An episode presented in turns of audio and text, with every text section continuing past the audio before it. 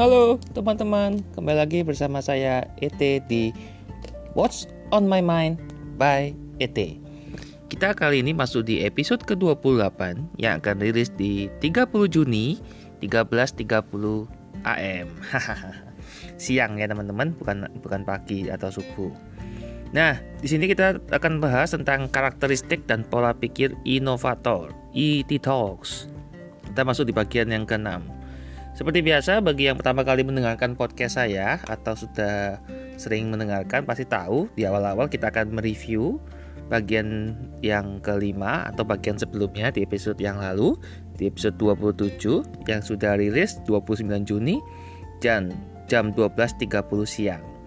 Nah, sebelum itu teman-teman juga bisa menyiapkan ballpoint, kertas, dan cemilan di sini saya akan menemani Anda dalam satu jam ke depan sambil kita diskusi ringan, mendalam, teknis dan lain-lain. Nah, saya akan mulai masuk di review episode ke-27. Karakteristik dan pola pikir inovator ET Talks bagian kelima. Ya, teman-teman di bagian kelima ini saya membahas poin-poinnya saja, reviewnya. Di mana teman-teman juga bisa lihat ulang atau dengarkan ulang episode yang lalu untuk mendapatkan penjelasan dari poin-poin yang saya ceritakan di episode kali ini.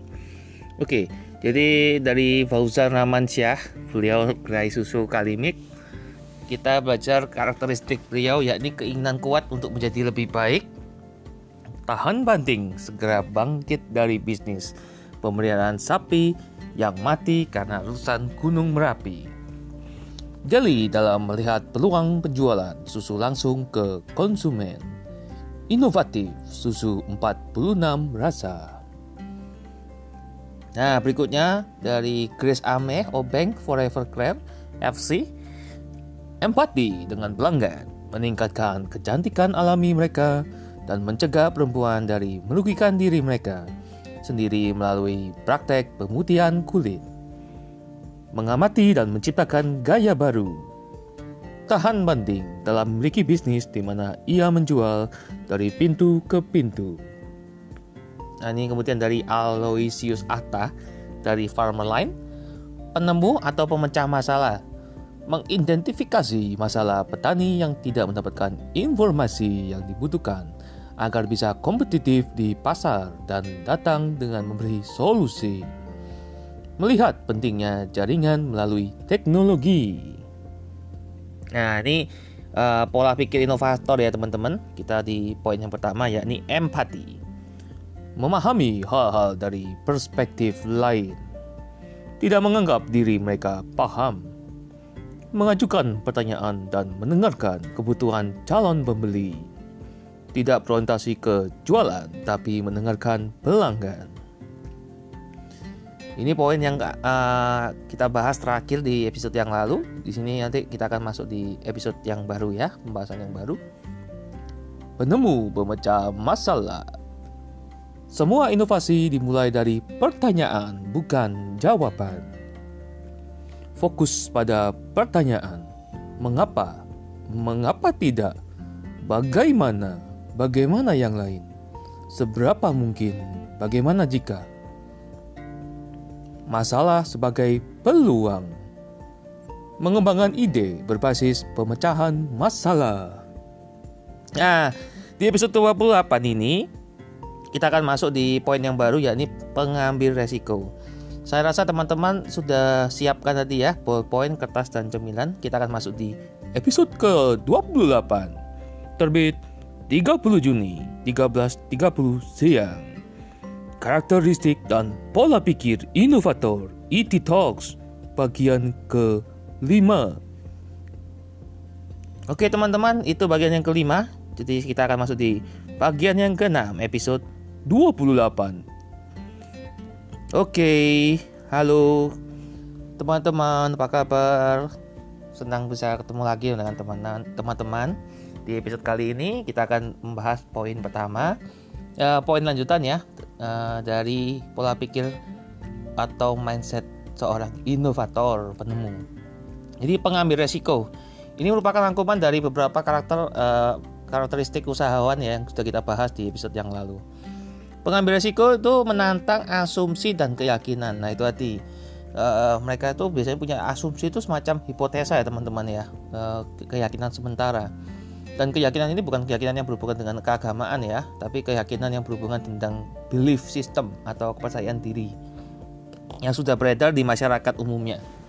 Nah mereka ini uh, ingin melakukan sesuatu gebrakan atau lonjakan ya, yang ibaratnya kalau masyarakat menantang asumsinya seperti ini, mereka akan mematahkan asumsi itu dengan melakukan hal yang lain atau keyakinan yang baru gitu yang akan mereka uh, tawarkan ke masyarakat. Ini merupakan bagian dari tipikal orang-orang yang pengambil resiko ya. Resiko itu harus terukur teman-teman. Jadi ini uh, mereka sudah mempertimbangkan banyak hal sebelum mereka mengambil tantangan ini. nah kemudian bersedia berurusan dengan ketidakpastian dan ambiguitas. Nah coba sih bayangkan teman-teman uh, kira-kira kalau kerja ikut orang ya atau karyawan kan enak ya jadi kan pasti pembayarannya tiap bulan pasti dibayar jadi juga kerja juga sudah pasti datang jam sekian pulang jam sekian ya kan? Uh, makan siang atau uang makan uang jalan dan lain-lain juga pasti di reimburse atau diganti sama perusahaan. Coba kalau pengusaha servisnya apa? Apa yang diterima dari uh, karyawannya? Ya banyaknya terima komplainnya itu kan. Katanya bosnya enak banget ya ngitungin duit terus padahal ya duitnya itu untuk diputar ke bisnis. Ya apa yang untuk karyawan lihat-lihat? Uh, karyawan yang lihat-lihat tentunya yang karyawan lihat lihat tentang bosnya itu kan tidak sesuai ya. Kadang kan ekspektasinya apa tidak sesuai dengan realita. Ekspektasinya mereka wah bosnya enak nih sering keluar negeri liburan. Padahal dia tidak juga teman-teman. Itu mereka liburan mungkin ada bonus dari kartu kreditnya ada poinnya atau apa pun itu ya. Kita kan nggak pernah tahu ya ah, apa yang mereka lakukan. Dan mungkin kalau sebagai karyawan takut ya untuk tanya sama bosnya. Ya itu sih. Jadi jangan uh, ini masa ambiguitas ini kan masa ambigu ambigu dalam hal ini hmm, dua hal yang konotasinya berbeda tapi kesannya sama gitu. Nah itu hati ambil resiko ya teman-teman dalam hal ini tidak semudah membalikkan telapak tangan. Jika kita salah pilihan kita salah uh, perencanaan kita juga akan jatuh ya. Dan tidak pastian tuh kelihatan teman-teman. Jadi mungkin berapa tahun dua tahun tiga tahun awal itu merintis nggak ada duitnya gitu. Malah minus atau malah berhutang atau gitu ya. Dan akan timbul di uh, persimpangan jalan ya. Apalagi kalau mereka dulunya pernah bekerja ikut orang mereka akan mulai self doubt self doubt itu uh, melakukan diri sendiri gitu loh. Padahal mereka benernya uh, ya namanya juga pengambil resiko ya entah, entah juga ya ada orang ada yang suka banget dengan adrenalin itu bahkan ada yang sengaja berhutang itu biar mereka termotivasi untuk melunasi. Adalah berbagai macam alasan untuk orang termotivasi. Salah satunya juga dengan cara berhutang. Ada kok ini cerita true story dari beberapa pengusaha yang saya temui gitu. Mereka bilang ya pak saya emang uh, sengaja atau memang saya mengajukan pendanaan permodalan usaha ini dengan sistem berhutang ya karena saya ingin ada motivasi untuk bekerja untuk melunasinya ya nggak apa-apa lah selama uh, niatnya baik ya. Jadi bukan niatnya untuk yang lain-lain aneh-aneh gitu. Nah kemudian mereka juga bersedia mengalami kegagalan. Ini yang luar biasa ya. Kebanyakan orang nggak bersedia untuk mengalami kegagalan. Maunya sukses. Maunya sekali pra, uh, praktek langsung sukses terus nyalain gurunya nyalain mentornya nyalain yang lain-lain. Saya sudah praktek berkali-kali gagal terus pak. Ingat teman-teman guru-guru anda mentor-mentor anda dulu juga pernah gagal. Ya dalam hal ini mereka gagal karena mereka berhenti mencoba. Atau mereka sedang stuck. Stuck itu jalan di tempat ya teman-teman. Bagi yang nggak tahu istilah stuck. Atau istilahnya uh, penghasilannya nggak naik-naik ya. Ups maaf kayak karyawan jadi. Kalau karyawan kan mau naik gaji katanya susah ya. Setahun mau naik tiga kali lima kali juga susah ya. Atau mungkin sudah bertahun-tahun nggak naik-naik ya. Nah itu sama lah kayak pengusaha juga kayak gitu. Kalau pengusaha kalau nggak ada kenaikan itu mereka malah bahaya. Mereka harus ada berpikir cara untuk bisa menaikkan keuntungan dari bisnisnya mereka. Itu tadi. Jadi mereka bersedia mengalami kegagalan. Bagi mereka tidak ada kata gagal yang ada adalah sukses atau belajar. Ini dari guru saya. Saya baca banyak dari guru saya. Ya beliau juga awalnya seorang karyawan. Akhirnya beliau bisa keluar dari zona nyaman. Beliau berani melangkah. Katanya beliau sih bukan mengundurkan diri tapi memajukan diri. Luar biasa lah. Pilihan pilihan kata itu mempengaruhi ya teman-teman. Jadi itu arti. Uh, mungkin dibilang bukan pengambil resiko bagi beliau tapi pengambil tantangan. Atau pekerjaannya sudah bukan tantangan yang menarik bagi dia contoh aja teman-teman. Uh, oke okay, kita masuk ke poin berikutnya yakni tahan banting. Tahan banting ini bukan berarti kayak di toko-toko ya dijatuhkan terus tidak pecah gitu bukan. Dalam hal ini ini kita ngomongin manusia ya konteksnya manusia. Manusia pun juga dibanting sakit. Kadang ada yang patah tulang ada yang eh, keseleo ada yang salah urat ada yang macam-macam lah. Ada kan olahraga gulat gitu kan atau yang teman-teman sering kenalnya kan Smackdown atau Raw itu ya. Itu tuh kan juga ringnya ada settingannya terus alat-alat yang digunakan untuk uh, bergulat itu kan juga ada settingannya lah. Jadi ya mereka sudah terlatih jangan dicoba-coba di rumah ya.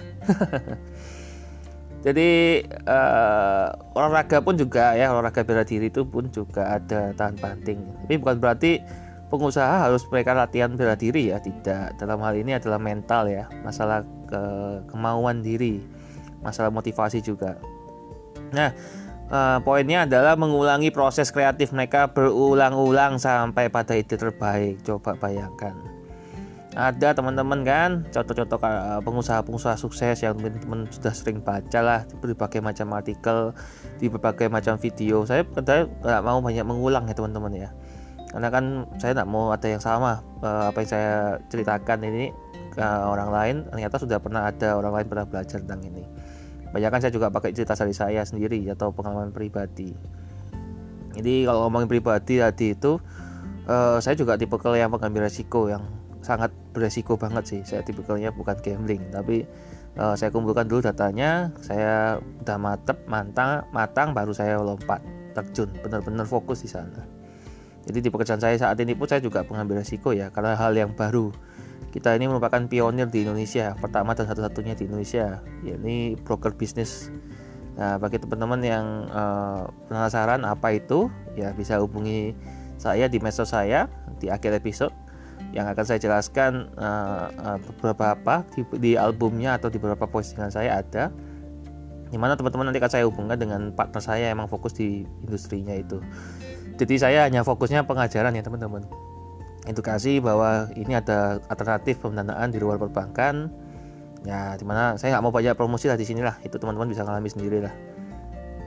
Uh, saya belajar banyak dari artikel-artikel dari luar negeri Singapura khususnya. Ya ini salah satu kampus terbaik lah untuk urusan perbankan. Nah kemudian uh, yang tadi itu ambiguitas itu juga ya yang awalnya kan tagline kita itu kan orang-orang ngomongnya tanpa riba ya kita kan. Nah itu orang-orang mikirnya aneh-aneh. Ya namanya juga kan manusia ya. Silakan nah mereka berpikir dengan caranya mereka masing-masing. Intinya sih kita menjelaskan bahwa konsep tanpa riba yang kita tawarkan itu adalah sharing ekonomi. Intinya sih itu. Ada tidak ada niat untuk menjual agama atau apa pun itu. Ya namanya orang manusia ya. Saya juga paham lah isi otaknya orang kayak gimana kira-kira mereka pasti kan gampang tersinggung gampang ini kalau apalagi isu isu sara ya. Kita benar tidak pernah ngomong sara ya. Bahkan kita ngomongin riba ini tanpa membahas ayat apa pun dari agama apa pun. Kita membahasnya secara ekonomi. Nah kemudian juga uh, bersedia mengalami kegagalan. Ya saya sang nah ini kalau saya sendiri ya uh, makanya saya nggak ambil contoh dari orang lain lah. Kalau ambil dari orang lain nanti terlalu umum lah di luaran banyak sumber-sumber yang lain. Saya pakai diri saya sendiri aja ya kemudian uh, kegagalan itu jelas lah teman-teman. Saya uh, satu industri pindah ke industri yang lain. Misalkan saya di season yang lalu kan bahas tentang MLM gitu ya. Saya dari MLM kan banyak industrinya itu MLM ya saya katakan uh, untuk lompat ke industri yang baru yang saya benar-benar ingin belajar itu kan saya harus izin lah ke tim saya. Saya bilang gimana?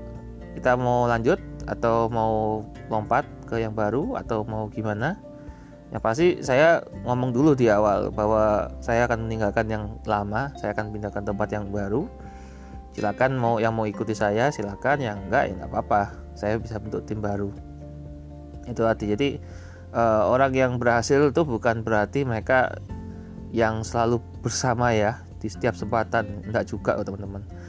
Kalau teman-teman pernah baca di pernah berada di atas tuh teman-teman bakal merasakan namanya kesendirian atau benar-benar nggak ada temen atau benar-benar ya siapa ya? Coba kalau teman-teman bayangkan lah. Nggak enak di puncak kesuksesan sendirian tuh nggak enak. Tapi kalau kita banyak teman juga sebenarnya tergantung ya teman yang seperti apa.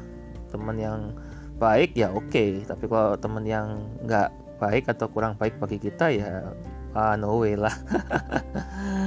Jadi itu tadi lah kita sekelumit lah dari tentang kegagalan tadi nah kemudian mengulangi proses kreatif berulang-ulang sampai dapat ide terbaik. Wah ini saya lakukannya setiap hari teman-teman. Jadi saya memicu diri saya sendiri untuk uh, membuat desain ya. Jadi dari gambar yang saya akan pasang di IG saya itu sehari kan postingan tiga kali ya. Saya postingan di semua medsos saya kurang lebih kontennya sama. Cuman uh, kenapa saya pilih video, gambar bukan video? Karena kalau video ini butuh tik yang spesialisasi dan harus diedit ya. Misalkan kalau gambar kan ya sederhana lah. Bisa langsung di anu dibuat lah. Itu kan proses kreatifnya juga tidak mudah teman-teman. Kita melihat yang sudah pernah ada kita lihat uh, strukturnya seperti apa. Kita lihat desainnya kurang lebih seperti apa perpaduan warnanya terus uh, ya inilah ada stikernya lah ada kotak-kotak lingkaran segitiga silang. Wah jadi main PS jadi ya? Bukan bukan. Ya maksudnya ya frame lah frame apa aja yang kira-kira cocok ya. Ini yang susah teman-teman. Karena kan gimana caranya kita itu menjelaskan hanya dengan gambar. Ini yang saya proses kreatif yang saya sebut itu. Karena memang kalau masalah tulisan saya memang punya kesempatan bisa belajar yang baik menulis struktural yang bagus sehingga orang bisa tertarik. Kalau secara tulisan saya mungkin masih oke okay lah. Tapi kalau secara gambar ini yang mungkin harus ditingkatkan ya. Sekarang kan banyak konten yang lagi viral di Facebook atau di Instagram ya. Carousel mungkin teman-teman sudah paham lah ya apa yang maksud. Karena uh, digital marketing ini kan cepat ya pengedarannya. Orang baru tahu segala satu hal bisa langsung praktek berkali-kali. Dan kalau saya sendiri sih berusaha ya ini saya ulangi berkali-kali tiap bulan juga saya uh, mengeluarkan konten baru challenge baru mengeluarkan uh, hal baru yang mungkin tidak pernah ada. Namanya juga proses kreatif ya kreatif itu kan ada juga saya recycle konten-konten saya yang lama saya rubah lagi menjadi lebih baik saya percantik saya uh, modifikasi gitu ya.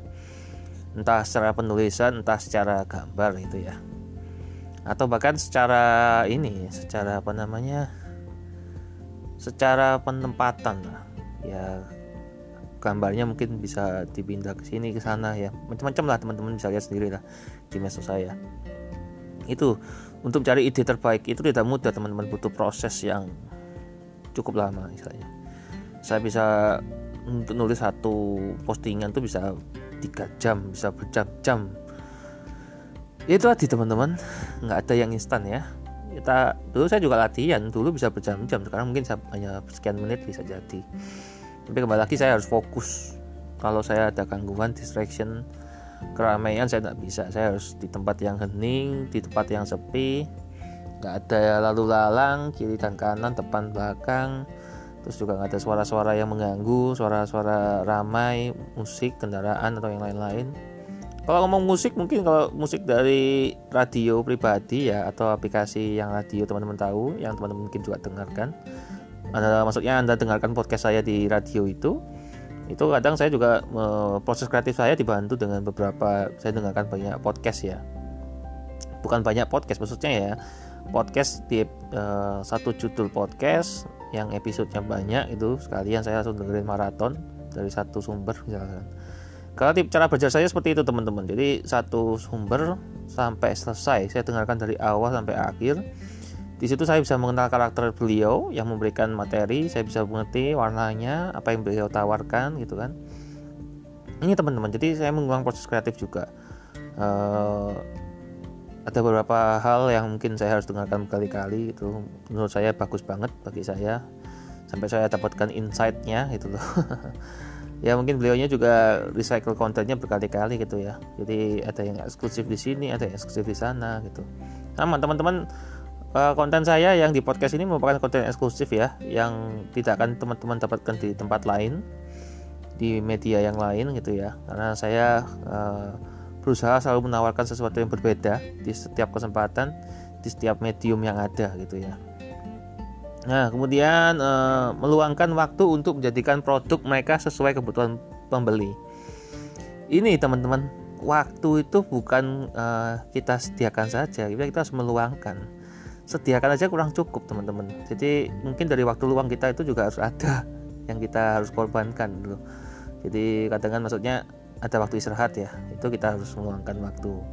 Jadi sudah waktu bekerja sudah selesai sudah overtime plus waktu istirahat kita sudah kadang. Makanya ini saya rekamannya ini selalu saya lakukan di jam 9 malam ke atas. Saya selalu izin ke semua orang yang mengenal saya tolong jangan hubungi saya jam 9 ke atas. Entah itu lewat chat atau lewat telepon. Karena saya sedang proses rekaman dan saya tidak mau diganggu. Karena uh, proses rekaman ini saya mau langsung sekali take langsung selesai satu jam durasi.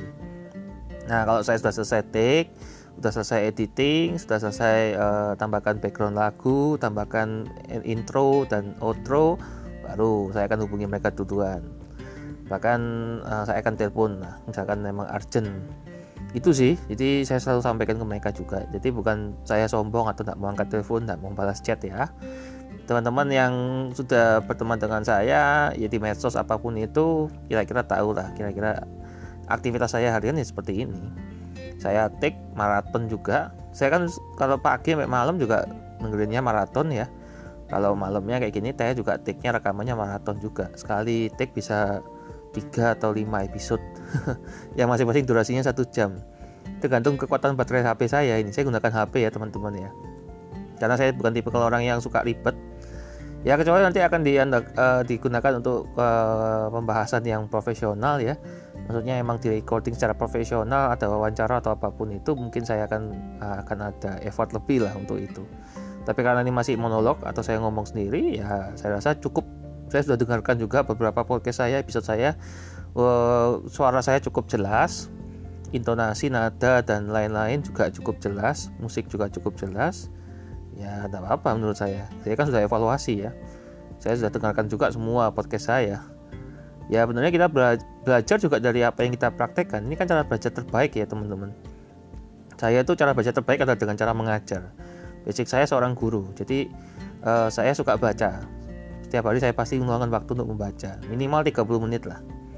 Entah itu artikel ringan atau artikel berat atau jurnal atau buku atau film atau apa pun itulah media ya digital media. Sekarang kan lebih canggih daripada dulu. Untuk mendengarkan juga itu jadi entah itu secara pendengaran atau secara penglihatan saya selalu memaksimalkan kesempatan yang ada.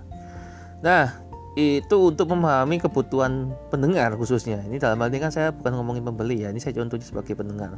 Anda sebagai pendengar saya saya harus tahu kira-kira uh, contoh yang bagus dari pembawa maca uh, ini ya pembawa acara kayak gini ini gimana gitu kan. Saya akhirnya harus dengarkan dulu beberapa episode beberapa contoh-contoh yang ada di podcast chart itu. Saya sudah dengerin top 200 hampir semuanya saya sudah dengerin ya yang saya suka. Saya tahu kira-kira siapa orangnya mereka membahas apa ya sudah saya dengerin semua. Sekarang saya sudah mulai masuk ke chart yang lebih ke segmentasi. Nah ini saya sekarang saya lagi dengerin di segmentasi bisnis. Biasanya saya dengerin uh, segmentasi komedi politik berita itu kan banyak ya di uh, shortnya ya atau di filternya macam-macam pembagiannya ya kadang sih kalau lagi suntuk saya ganti ke radio lagu ya. Karena kan lagu itu bisa mengubah mood. Bener-bener uh, ini ya. Kalau podcast itu harus benar-benar fokus jadi agak berat jadi kadang kalau moodnya lagi jelek ya nggak masuk malahan apa yang dipelajari. Jadi itu adi ya uh, untuk mengetahui kebutuhan pendengar khususnya. Oh kira-kira dibukanya kayak gini Hai guys atau halo semuanya atau gimana itu. Terus ditutup juga seperti ini lah. Kalau teman-teman yang sudah sering dengerin podcast saya pasti paham gitu saya selalu gunakan pola yang sama di awal dan di akhir dan di tengah juga kurang lebih kontennya seperti apa. Sudah saya setting ya. Saya sudah ada aturan mainnya misalnya gitu loh. Jadi 5 menit awal. Ini biar teman-teman bagi yang masih bingung atau nggak ngerti apa itu podcast dan gimana caranya bisa dengerin di episode saya yang awal-awal ya atau season pertama. Itu tiga episode awal itu tentang bagaimana cara membuat podcast. Saya sudah jelaskan detailnya di situ. Dan dalam hal ini saya juga uh, 5 menit pertama itu biasanya saya review review poin-poin dari apa yang saya bahas di episode yang lalu. Terus saya juga uh, mencatatkan apa nih memberikan kesempatan untuk mendengar uh, memberi menyiapkan catatan buku dan poin dan cemilan. Ya karena kan kita ngomong satu jam ini kalau anda memang benar-benar fokus ya tidak apa-apa bisa kan. Tapi kalau sambil jalan pun juga benar-benar bisa karena obrolan saya cukup ringan kok. Nggak berat-berat banget. Ya kenapa saya kasih catatan itu artinya kan biar teman-teman ketika ada muncul inspirasi catat karena saya punya kebiasaan gitu teman-teman. Uh, kita kalau ada inspirasi langsung catat jangan di diamin nanti lupa. Inspirasi itu mahal harganya teman-teman. Makanya jangan sampai lih jangan sampai loss lah kalau istilahnya dengar baju merah jangan sampai lolos lah itu hati inspirasi jangan sampai dilolosin harus dicatat Nah, kemudian poin berikutnya memiliki jaringan. Peluang datang dari pikiran yang terhubung. Nah, coba bayangkan. Pikiran yang terhubung itu seperti apa? Nah, peluang datang dari pikiran yang terhubung. Pasti pernah dengar namanya law of attraction. Saya nggak akan jelaskan lebih panjang, lebih detail tentang itu. Teman-teman pasti paham.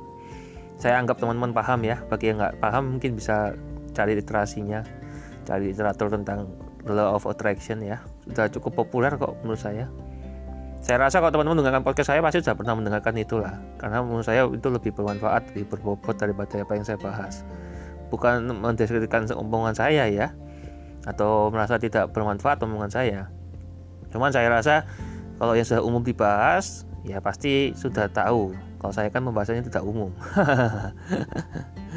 Jadi peluang datang dari pikiran yang terhubung ya. Jadi kita kalau benar-benar ingin sesuatu kita ya mikirkan aja itu.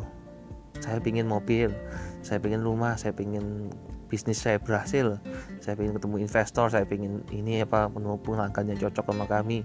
Doa aja doa tarik tarik tarik tarik ya muncul saya praktek saya praktisi ya. Saya praktisi atau saya praktekkan juga ilmuwan yang saya pelajari. Jadi eh, kalau orang-orang ngomong susah pak datengin orang datengin pelanggan untuk menghubungi kita. Kalau pakai cara hard selling malah saya di blok pak atau saya di report pak atau saya apa. Sekarang saya malah menggunakan sistem yang berbeda ya.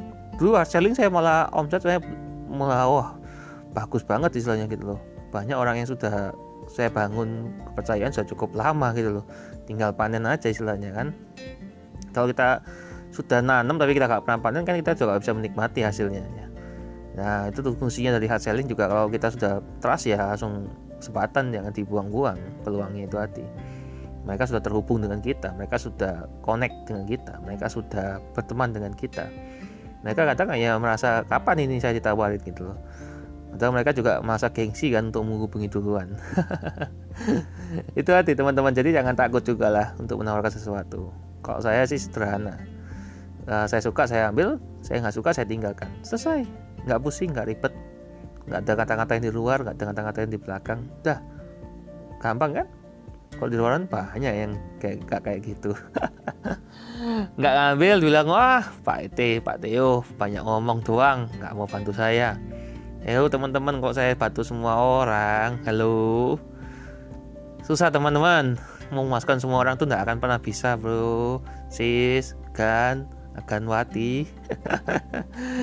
Coba bayangkan ya es uh, tukang es krim aja tuh nggak bisa menyenangkan semua orang. Atau orang yang nggak suka es krim kok. Giginya gusinya nanti sakit. Atau apa? Atau giginya lubang loh atau emang nggak bisa makan yang manis-manis atau yang dingin-dingin loh kan? Jadi itu ya. Jadi pikiran yang terhubung. Ya jaringan itu kan mereka bisa bertemu ya karena mereka ada satu kesamaan atau satu hobi atau satu ketertarikan gitu loh. Banyaklah teman-teman bisa cari artikel tentang draw attraction tadi itu ya. Atau The Secret bukunya bagus banget saya sudah baca saya sudah praktekkan dan saya merasakan manfaatnya nah uh, poin berikutnya ya. Pentingnya jaringan dan secara aktif mencari koneksi kemitraan sekutu dan mentor baru. Nah dalam hal ini mungkin salah satu keahlian saya ya teman-teman ya. Dan juga kelemahan saya mungkin. Karena saya suka deh ya berkenal dengan orang baru dengan orang yang benar-benar baru nggak pernah muncul dalam kehidupan saya sebelumnya atau kehidupan yang lampau. Aduh ngeri kalau mau bahas kehidupan lampau atau kehidupan yang akan datang ya. Nah itu tadi ya aktif ya teman-teman ya. Jangan diam aja. Bolehlah diam di rumah tapi jangan diam aja. Nggak apa-ngapain. Aktiflah berteman. Sekarang sosial media mempermudah kita untuk bisa mencari koneksi. Ya sebelum anda mencari koneksi anda juga harus uh, rapikan dulu profil anda ya. Saya pun juga banyak yang menghubungi saya banyak yang mau berteman dengan saya.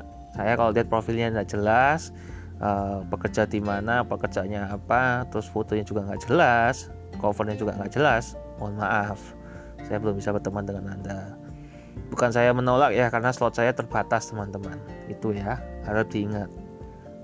Kalau slotnya unlimited kayak Instagram untuk followers nggak ada batasnya ya tak apa-apa. Tapi kalau kayak di Facebook Facebook cuma 5000 aduh LinkedIn 30 ribu aja itu kurang bagi saya. Makanya kan ada yang beberapa yang bisa follow aja karena saya nggak ada slot untuk itu. Mohon maaf sebesar besarnya ya. Bukan saya sombong tapi saya nggak bisa. Ya itu hati uh, saya bingung juga kadang kalau mau remove connection kan atau mau unfriend itu bingung teman-teman. Bukan kita uh, ada beberapa orang pasti tersinggung ya kalau kita unfriend kita itu. Terus nggak mau berteman lagi. Padahal ya kita kan bisa berteman lewat WA ya nggak ada batasnya ya kan? WA kan bisa ngubungi kapan aja. Ngapain ribet udahlah gitu loh. WA pun sekarang juga banyak. WA grup bisa berteman dengan siapa aja. Ada Telegram grup Twitter pun juga bisa DM bisa ngobrol-ngobrol sama orang-orang kan. LinkedIn bagus banget menurut saya fiturnya. Jadi bisa mempermudah orang untuk koneksi terus DM terus uh, komunikasi di status atau postingannya orang-orang ya nah kemudian di, di Telegram pun juga banyak. Di Line pun juga ada Line Ad ada Line Group ada Line Square. Di Instagram juga ada Instagram bisnis ada Instagram page ada Instagram Facebook juga ada di Facebook group Facebook page. Banyak teman-teman untuk peluang untuk bisa berjajaring gitu ya. Apalagi ya YouTube juga bisa tuh yang lihat yang komen-komen atau uh, konten kreatornya bisa dihubungi juga orang-orang podcast juga. Bisa kolaborasi podcast kolaborasi dengan siapa pun itu misalkan. Aktif ya kuncinya kata kuncinya adalah aktif ya. Karena kalau kita diam aja ya siapa kita gitu loh sampai kita harus dihubungi orang lain. Saya aja kalau nggak aktif ya juga nggak akan dihubungi sama orang-orang. Ya karena saya cukup aktif ya di medsos dan di di dunia nyata ya. Saya bukan cuma aktif di medsos ya saya juga aktif di dunia nyata. Kalau saya ngomong medsos itu kan dunia maya ya. Kita mungkin memang berkoneksi dengan orang asli. Saya pun juga menjaga ya. Ya banyaknya penipuan di luaran tuh aduh saya juga sedih ya miris lah lihat nah, orang-orang itu menggunakan medsos dengan tidak benar. Ya bukan hanya medsos sih email pun juga. Kemitraan ya dalam hal ini mungkin pernah teman-teman punya mitra bisnis dari nggak pernah kenal sebelumnya kalau saya punya satu gitu online to offline jadi kita kenalannya secara online akhirnya kita ketemu secara offline atau juga bisa dibalik setelah ketemu setelah ketemu offline kita berkoneksi dan berteman untuk lebih mengenal lebih akrab di online. Dan kemudian sekutu sekutu ini berarti semacam uh, ini ya uh, kemakmuran bersama lah, atau istilahnya teamwork atau istilahnya bisnis bisnis yang bersama lah. Entah itu jaringan atau entah itu apa pun itulah, arisan pun juga sekutu. dan mentor baru. Ya teman-teman saya sarankan juga ya belajar itu bukan cuma satu guru. Jadi kalau teman-teman dengarkan dari saya podcast saya jangan cuma dengerin podcast saya saya gitu loh. Teman-teman juga bisa lihat dari podcast chart yang sudah jelas itu pendengarnya kan banyak.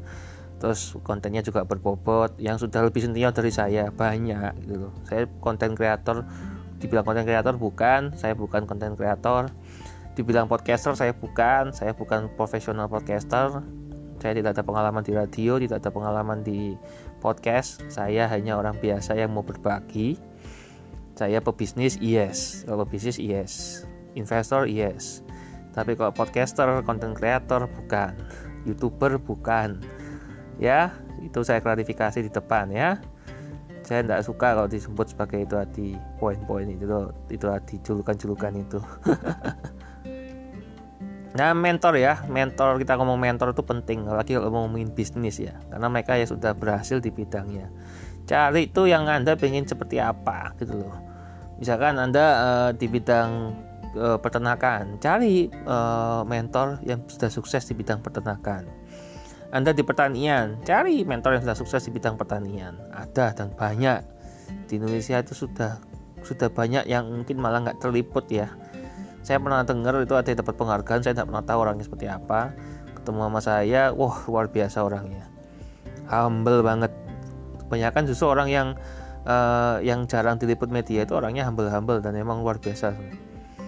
Ya saya nggak mengatakan orang yang sering diliput media itu orangnya sombong ya bukan. Kembali lagi ini kan tergantung mood juga ya. Kita kan nggak pernah tahu ya orang moodnya seperti apa. Atau kalau istilahnya saya itu state state of ya state of mindnya seperti apa kondisinya mereka saat itu seperti apa.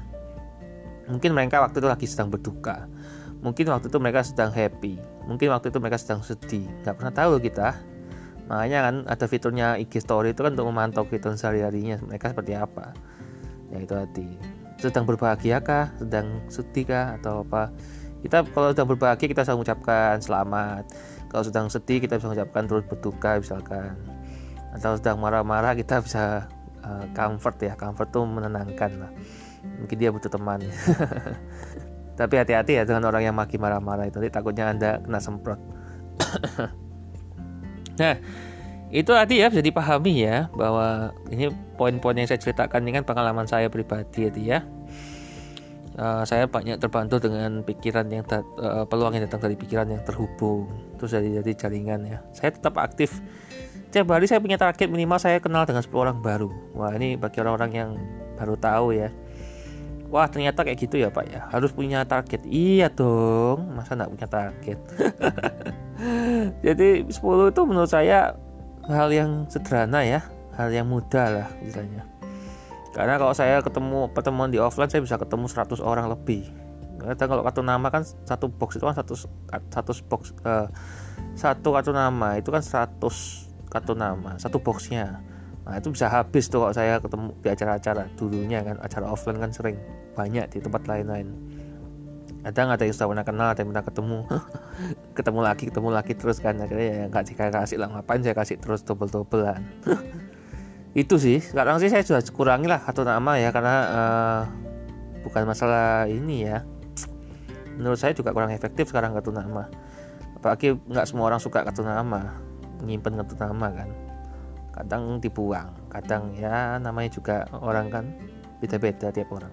Kalau saya kartu nama saya selalu selalu simpan ya. Saya nggak pernah tahu kapan mungkin saat saat saya butuh gitu loh. Kalau yang saya benar-benar uh, ingin dapatkan jasa beliau atau mengenal beliau langsung saya catat nomornya di kontak saya. Langsung saya call balik atau saya uh, nomor saya biar tercatat di kontaknya beliau. Nah kemudian bekerja sama dan memeluk konsep yang terbuka. Nah, dalam hal ini ya, konsep terbuka itu transparan, bukan terbuka yang lain-lain ya, yang aneh-aneh. Tapi transparan. Jadi kelihatan jelas, tidak ada yang diselewengkan, tidak ada yang menipu atau tidak ada yang uh, merahasiakan beberapa poin-poin yang rahasia misalkan. Jadi apa aja lah konsepnya itu udahlah belak-belakan aja lah menurut saya uh, kadang saya juga tipikalnya orangnya langsung belak-belakan di depan gitu ya. Mau geger ya sudah langsung geger di situ aja. Udah selesai keluar itu ya tidak ada masalah lagi. Ngapain gitu loh ngapain kita berdebat terus-terusan? Kalau cocok ya lanjutkan nggak cocok ya tinggalkan. Selesai. Ngapain ribet? Sederhana kan? Jadi keterbukaan itu fungsinya seperti itu ya. Kita mengenal lebih dalam orang lain. Uh, kerjasama itu harus harus teman-teman. Bahkan dalam pekerjaan kan juga ada namanya konsepnya kerjasama. Nah kemudian berbagi pengetahuan. Mungkin memang ada yang ahli di bidang tertentu spesialis di bidang tertentu. Tidak ada salahnya kalau kita berbagi kan? Tahu pada prinsipnya kalau menurut saya ilmu itu gratis kok teman-teman. Sekarang dengan adanya teknologi itu teman-teman bisa belajar semua ilmu yang ada di muka bumi ini. Pertanyaannya bukan masalah belajarnya teman-teman tapi prakteknya seperti apa? Apakah hanya belajar saja kok cuma belajar aja mak? Koleksi ilmu namanya. Nah pertanyaan saya kan apakah anda sudah mem memaksimalkan resources atau ilmu yang sudah anda punya untuk menghasilkan sesuatu? Entah itu karya entah itu ya dampak bagi orang lain. Karena kita kan kalau mendapatkan hasil kita harus ada sesuatu nih. Ya karya ini pasti bermanfaat buat orang lain. Misalkan kayak podcast. Bagi yang mau bikin podcast itu kan bisa berbagi ilmu ke orang lain ya ini kayak saya ini kan juga akhirnya ada nih pendengar beberapa uh, saya yang masih promo ringan lah saya belum promo berat belum terkonsep promonya beberapa orang yang memang saya kenal akrab ya saya kasih share gitu kan ada saya tanya inputnya mereka feedbacknya seperti apa itu sih nah Kemudian kemitraan strategis ini khususnya kalau B2B ya. B2B itu kan bisnis to bisnis. Di mana kemitraan strategis itu sangat penting ya di zaman sekarang itu bukan eranya kompetisi ya. Ini sekarang eranya kolaborasi. Bagaimana kita bisa mengkombinasikan bisnis kita dengan bisnis orang lain sehingga sama-sama menguntungkan dan tidak saling merugikan. Saya punya prinsip intinya gitu. Jadi kalau kita tidak bisa saling menguntungkan, tapi setidaknya kita jangan sampai saling merugikan karena kalau merugikan tidak nyaman kalau tidak menguntungkan masih oke okay lah masih bisa toleransi tapi sampai batasnya apa tergantung batasannya ya Nah, itu tadi ya. Jadi saya setiap kali saya bekerja sama dengan orang lain, saya selalu ngomong terbuka apa adanya, tidak ada saya tutupin. Saya dapat sekian, saya dapat berapa, saya saya ceritain semua. Terus saya juga sering berbagi ilmu.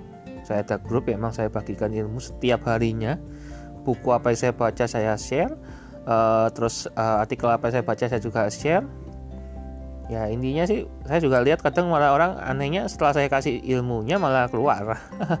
No problem bagi saya. Mungkin mereka sudah dapatkan ilmunya dari luar atau tempat lain. Atau sudah terlalu banyak grup atau gimana. Terserah mereka. Saya tidak ambil pusing. Mau masuk silakan mau keluar silakan. Tidak ada paksaan. Nah kan sama saya? Enak toh zamanku. Nah kemitraan strategis itu juga penting ya teman-teman. Jadi uh, biar kita itu bisa saling support. Ya banyak lah kayak misalkan jasa transportasi dan jasa uh, makanan misalkan. Kalau dulu dibayangkan gimana tuh nyambunginnya. Ya kalau mereka punya armada bisa tapi kalau mereka tidak punya armada gimana? Akhirnya kan muncul kan fasilitas itu. Ini contoh ya. Nah ini poin berikutnya yakni jeli. Jeli ya bukan jelly. Jelly itu makanan kenyal kalau jeli itu dia tahu peluang. Sekecil apa pun tuh bisa kelihatan gitu loh. Jadi poin pertama ya ini terus menerus membuat koneksi. Ingat ini ini kuncinya. Koenci koen TJI Wah, kunci. Kuncinya terus menerus membuat koneksi. Nah, hati-hati jangan menyerah bagi orang-orang yang mungkin masa tertolak ya. Tidak mau dianggap diterima pertemanannya pertemanannya tidak mau diterima ini koneksinya friendship friendsnya followernya tidak di follow back. Tidak apa-apa jangan berkecil hati. Mungkin mereka memang tidak uh, tahu apa yang anda bisa tawarkan ke mereka. Anda harus memberikan value teman-teman. Jadi uh, setiap kali saya berusaha untuk koneksi dengan orang baru saya selalu memberikan value. Saya selalu memberikan pay it forward istilahnya saya selalu memberikan sesuatu dulu ke orang lain. Jadi saya bisa kan kasih contoh, ini link saya, link ebook saya. Silahkan download gratis, loh kan enak. Ini uh, podcast saya, link podcast saya bisa didengerin gratis, loh kan enak. Sama-sama menguntungkan kan? Saya dapat pendengar, Anda dapat ilmu. Siapa yang dirugikan? Tidak ada. Ya paling ya biaya internet aja kalau nggak ada wifi di rumah kan. Kuota kan sekarang murah kalau dulu mahal teman-teman. saya masih ingat awal-awal dulu waktu pertama kali internet muncul di Indonesia tahun 97-98an. Wah mahalnya minta ampun. Hanya orang tertentu yang mampu untuk bayar internet. Jadi ya tetap lewat SMS dan telepon aja. Itu aja SMS dan telepon sudah termasuk mahal dulunya itu. Ya teknologi kan belum belum maju dulu ya ada mungkin di luar negeri saya nggak tahu karena saya waktu masih belum pernah ke luar negeri setelah saya lulus kuliah baru saya pernah. Akhirnya saya tahu oh canggih ya di luar negeri sudah ada di Indonesia belum. Kapan ya Indonesia masuk? Makanya saya sekarang itu sukanya berteman dengan orang luar negeri ya. Saya banyak di LinkedIn itu malah berteman dengan orang luar negeri. Mereka lebih terbuka mereka lebih open mind mereka lebih ya istilahnya nyaman lah saya kalau sama mereka. Daripada di orang-orang Indonesia tuh saling nyinyir. Ah tuh gak suka saya. Figur tapi nyinyir gitu ya bukan hanya di LinkedIn ya di semua medsos ada itu. Nyinyir tidak ada yang masalah ya argumen kan bebas orang mau ngomong apa ya. Cuman ya tolonglah ini dunia sudah gaduh gitu loh ya dengan adanya corona ini.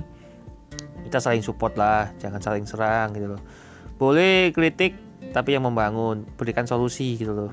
Jangan cuma menyerang poin-poin uh, memberikan celah-celahnya tapi nggak ada solusinya. Ya kayak gitu mah semua orang bisa gitu loh ya jadi tolonglah bagi orang-orang yang memang posisinya emang sebagai uh, nyinyirun atau hobinya nyinyir nyinyir diri sendiri aja lah jangan nyinyir orang lain. Anda kayak sudah jadi dewa jadi Tuhan gitu ya anda nyinyir orang lain. Tuh pak bapak juga perso nyinyir orang lain. Enggak saya ngomongin saya sendiri kok. Saya kok ngomongin orang lain. Ya kayak gitu teman-teman. Jadi kita harus terus menerus buat koneksi ya. Jadi kita nggak usah kalau konten yang nggak suka ya sudah nggak usah ambil pusing nggak usah tinggalkan komentar negatif apa pun. Ya tinggal unfriend unfollow unsubscribe selesai. Masalah udahlah. Gak usah ribet jadi orang. Kan? Bener kan? Dulu mereka pencipta kok media sosial itu menciptakan tombol itu buat apa kalau nggak dipakai? Atau anda nggak tahu cara pakainya? Gitu saya ajarin kalau anda nggak tahu caranya anda bikin konten negatif saya langsung blok saya langsung report. Selesai kan? Saya kasih contoh itu. Jadi di WA juga gitu konten-konten hoax hoax itu langsung saya blok report selesai. Di LinkedIn masuk DM atau komen negatif blok report selesai. Twitter juga sama serangan-serangan haters blok report selesai. Telegram ini robot-robotan masuk baca itu blog report selesai. Lain juga sama. Ini siapa ini ngirim notifikasi terus? Notifikasi game atau yang lain-lain. Blog report selesai. Facebook sama. Facebook juga. Blog report selesai. Instagram blog report selesai. YouTube sama. Blog report selesai. Ya kan? Asik kan tiga langkah aja mudah kan? Apa? Blog report selesai. Sudah nggak usah ambil pusing. Melihat dan bertindak terhadap peluang ya. Kita harus melihat dan bertindak. Cuman cuman lihat doang. Jangan bangga dengan titel pengamat. Anda dibayar itu bukan sebagai pengamat tapi sebagai penan ini pemain gitu loh. Kalau cuman lihat doang kalau anda komentator anda dibayar tapi kalau anda cuma komen dan tidak dibayar mendingan nggak usah komen. Udahlah melihat dan bertindak terhadap peluang. Kalau anda cuma lihat-lihat doang ya namanya itu belanja atau Windows shopping. Peluang nggak bisa kayak gitu. Kalau menurut anda cocok ambil. Jangan dibuang-buang kesia-siakan kesempatan gitu loh. Yang paling penting itu tindakannya. Tindakan nyata dari anda ketika anda ada peluang. Anda mengambil atau anda tinggalkan saya selalu bilang sama orang-orang yang saya kenal ambil atau tinggalkan. Sudah nggak usah komen nggak usah bacot nggak usah ngatain orang lain. Udah kalau mau ambil kalau tidak tinggalkan sudah. Kita tetap berteman misalkan. Tapi ya nggak ada beristis bareng sudah selesai. Nggak ada masalah no problem gitu loh. Mau blok report selesai nggak masalah. Saya juga nggak masalah. Berarti anda nggak cocok dengan saya bukan jodoh saya no problem.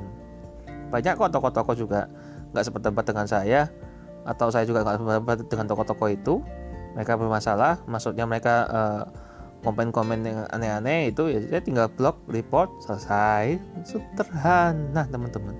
Cuman ngapain dibawa ribet? Gitu loh. Nah kemudian tidak terjebak dalam operasional bisnis. Lah ini yang saya lakukan juga. Jadi uh, saya bagi tugas dengan partner saya dengan tim tim bisnis saya ya jadi saya fokusnya ke arah edukasi ya kayak ini. Podcast saya ini kan tujuannya untuk arah edukasi ya. Saya tidak promosi bisnis saya saya hanya sharing lah apa yang saya lakukan. Jadi kan teman-teman uh, bisa tahu oh Pak Ete itu bisnisnya ini pekerjaannya kayak gini aktivitasnya seperti ini. Itu aja sih tujuan saya niat saya. Kalau udah ngomongin tentang bisnis uh, kalau tidak ada agenda khusus dengan saya atau dengan manajemen saya ya saya lempar ke tim saya partner saya gitu loh untuk di handle ya karena saya tidak mau terjebak dalam operasional bisnis. Kalau di awal iya saya. Saya kasih contoh. Ini loh ya kayak gini gini gini gini gini. Setelah sudah jalan sudah tersistem ya mereka saya hanya mantau aja gitu loh. Ada masalah saya bantu. Gitu atau butuh ide saya bantu. Nah kemudian kreator. Kreator itu menciptakan sesuatu yang baru atau merecycle apa yang sudah pernah ada ya teman-teman Jadi mengembangkan ide-ide mereka. Ide itu e, kalau istilahnya itu ide mentah ya. Ide mentah itu bisa diolah jadi bahan-bahan yang sudah terolah. Bahkan bisa diolah lagi tergantung berapa kali proses kreatif yang dilakukan di sana gitu loh. Jadi ide itu jangan cuma mentahan. Kalau ide mentahan mah nggak bisa dicerna dengan baik dan diterima dengan baik. Jadi kita harus ide ide itu kita olah dulu dari berbagai macam sudut pandang ya karena setiap orang punya sudut pandang yang berbeda punya perspektif yang berbeda punya mindset yang berbeda punya pendapat yang berbeda tentang suatu ide. Jadi ini yang kita brainstorming. Ini idenya seperti ini utarakan idenya terus argumen pendukungnya apa argumen kontranya seperti apa. Kayak gitu sih contohnya yang bisa dipakai. Nah kemudian penelitian pengujian pembuatan prototipe dan memperhalus desain. Ini ya kadang kelemahan dari suatu perusahaan itu tidak ada divisi research research and development ya jadi tidak ada bagian risetnya. Kalau nggak ada bagian risetnya ini celaka teman-teman. Karena akan kehilangan inovasi ya. Jadi tidak ada inovasi baru atau hal-hal baru yang akan muncul dalam waktu dekat. Ini pelanggan bisa bosan atau market bisa bosan juga. Uh, bosan tuh wajar menurut saya ya. Karena kan ini terus produknya nggak ada inovasi inovasi itu macam-macam teman. Bisa ukurannya diperbesar bisa ukurannya diperkecil bisa kasih varian rasa. Contoh nih kalau kuliner ya makanan ya. Bisa dikasih sedotan bisa dikasih model yang lain-lain. Warna-warni warna atau apa pun itu esen juga apa banyak lah istilahnya gitu. Pengujian itu juga perlu teman-teman. Kita harus test case juga. Jadi nggak bisa. Ya istilahnya kalau bahasa sederhananya itu sampling ya. Kita harus tahu dulu sampling dulu. Kita tes tes error trial error trial error gitu loh misalkan tadi hasil dari penelitian misalkan kayak yang teman-teman tahu dari dari instan kan banyak tuh. Uh, uh, aneh-aneh sekarang kan nggak cuman rasa-rasa yang dulu pernah ada ya. Oh ini bukan ngomongin cinta ya tapi ini ngomongin rasa mie instan. Rasa yang pernah ada ya. Ini bukan cinta. Cinta itu kan ya memang mungkin ada teman yang punya rasa yang pernah ada ya. Nggak bisa move on gitu. Jadi rasa-rasa sudah sudah umum lah gitu ya gitu loh jadi yang goreng itu apa yang yang kuah itu apa. Ya karena mereka kan melakukan penelitian kan. Kira-kira kalau mereka launching produk baru dengan rasa varian baru gimana respon dari masyarakat? Itu tadi yang dilakukan pengujian. Kalau diterima ya mereka akan buat yang baru gitu loh. Ada yang kemasannya jumbo ada yang ya ini buat teman-teman contoh aja ya. Biar ada ada gambaran gitu loh jadi kemasannya dari jumbo ada yang kemasannya setengah. Ya ini kan tergantung ya. Ada yang dibentuk cup ada yang dibentuk ya kayak ramen lah cup gitu kan. Saya nggak sebut merek ya. Kalau saya dibayar ada sponsor masuk endorse baru saya sebut. Ya itu hati ada yang berupa apa ya macam-macam lah sekarang itu kreatif lah. Saya suka lah. Inovatif inovasi inovasi dari mereka. Saya juga baca banyak dari mereka. Nah kemudian pembuatan prototype prototype itu semacam blueprint ya jadi kita seperti yang saya pernah bahas di sebelum-sebelumnya ya itu tadi harus ada gambarannya uh, desainnya seperti apa. Atau kalau bahasa kerennya sekarang grand design ya. Prototype itu lebih arah pertama ya. Jadi uh, itu gambaran mentahan lah istilahnya mentahan sebelum akan dikembangkan.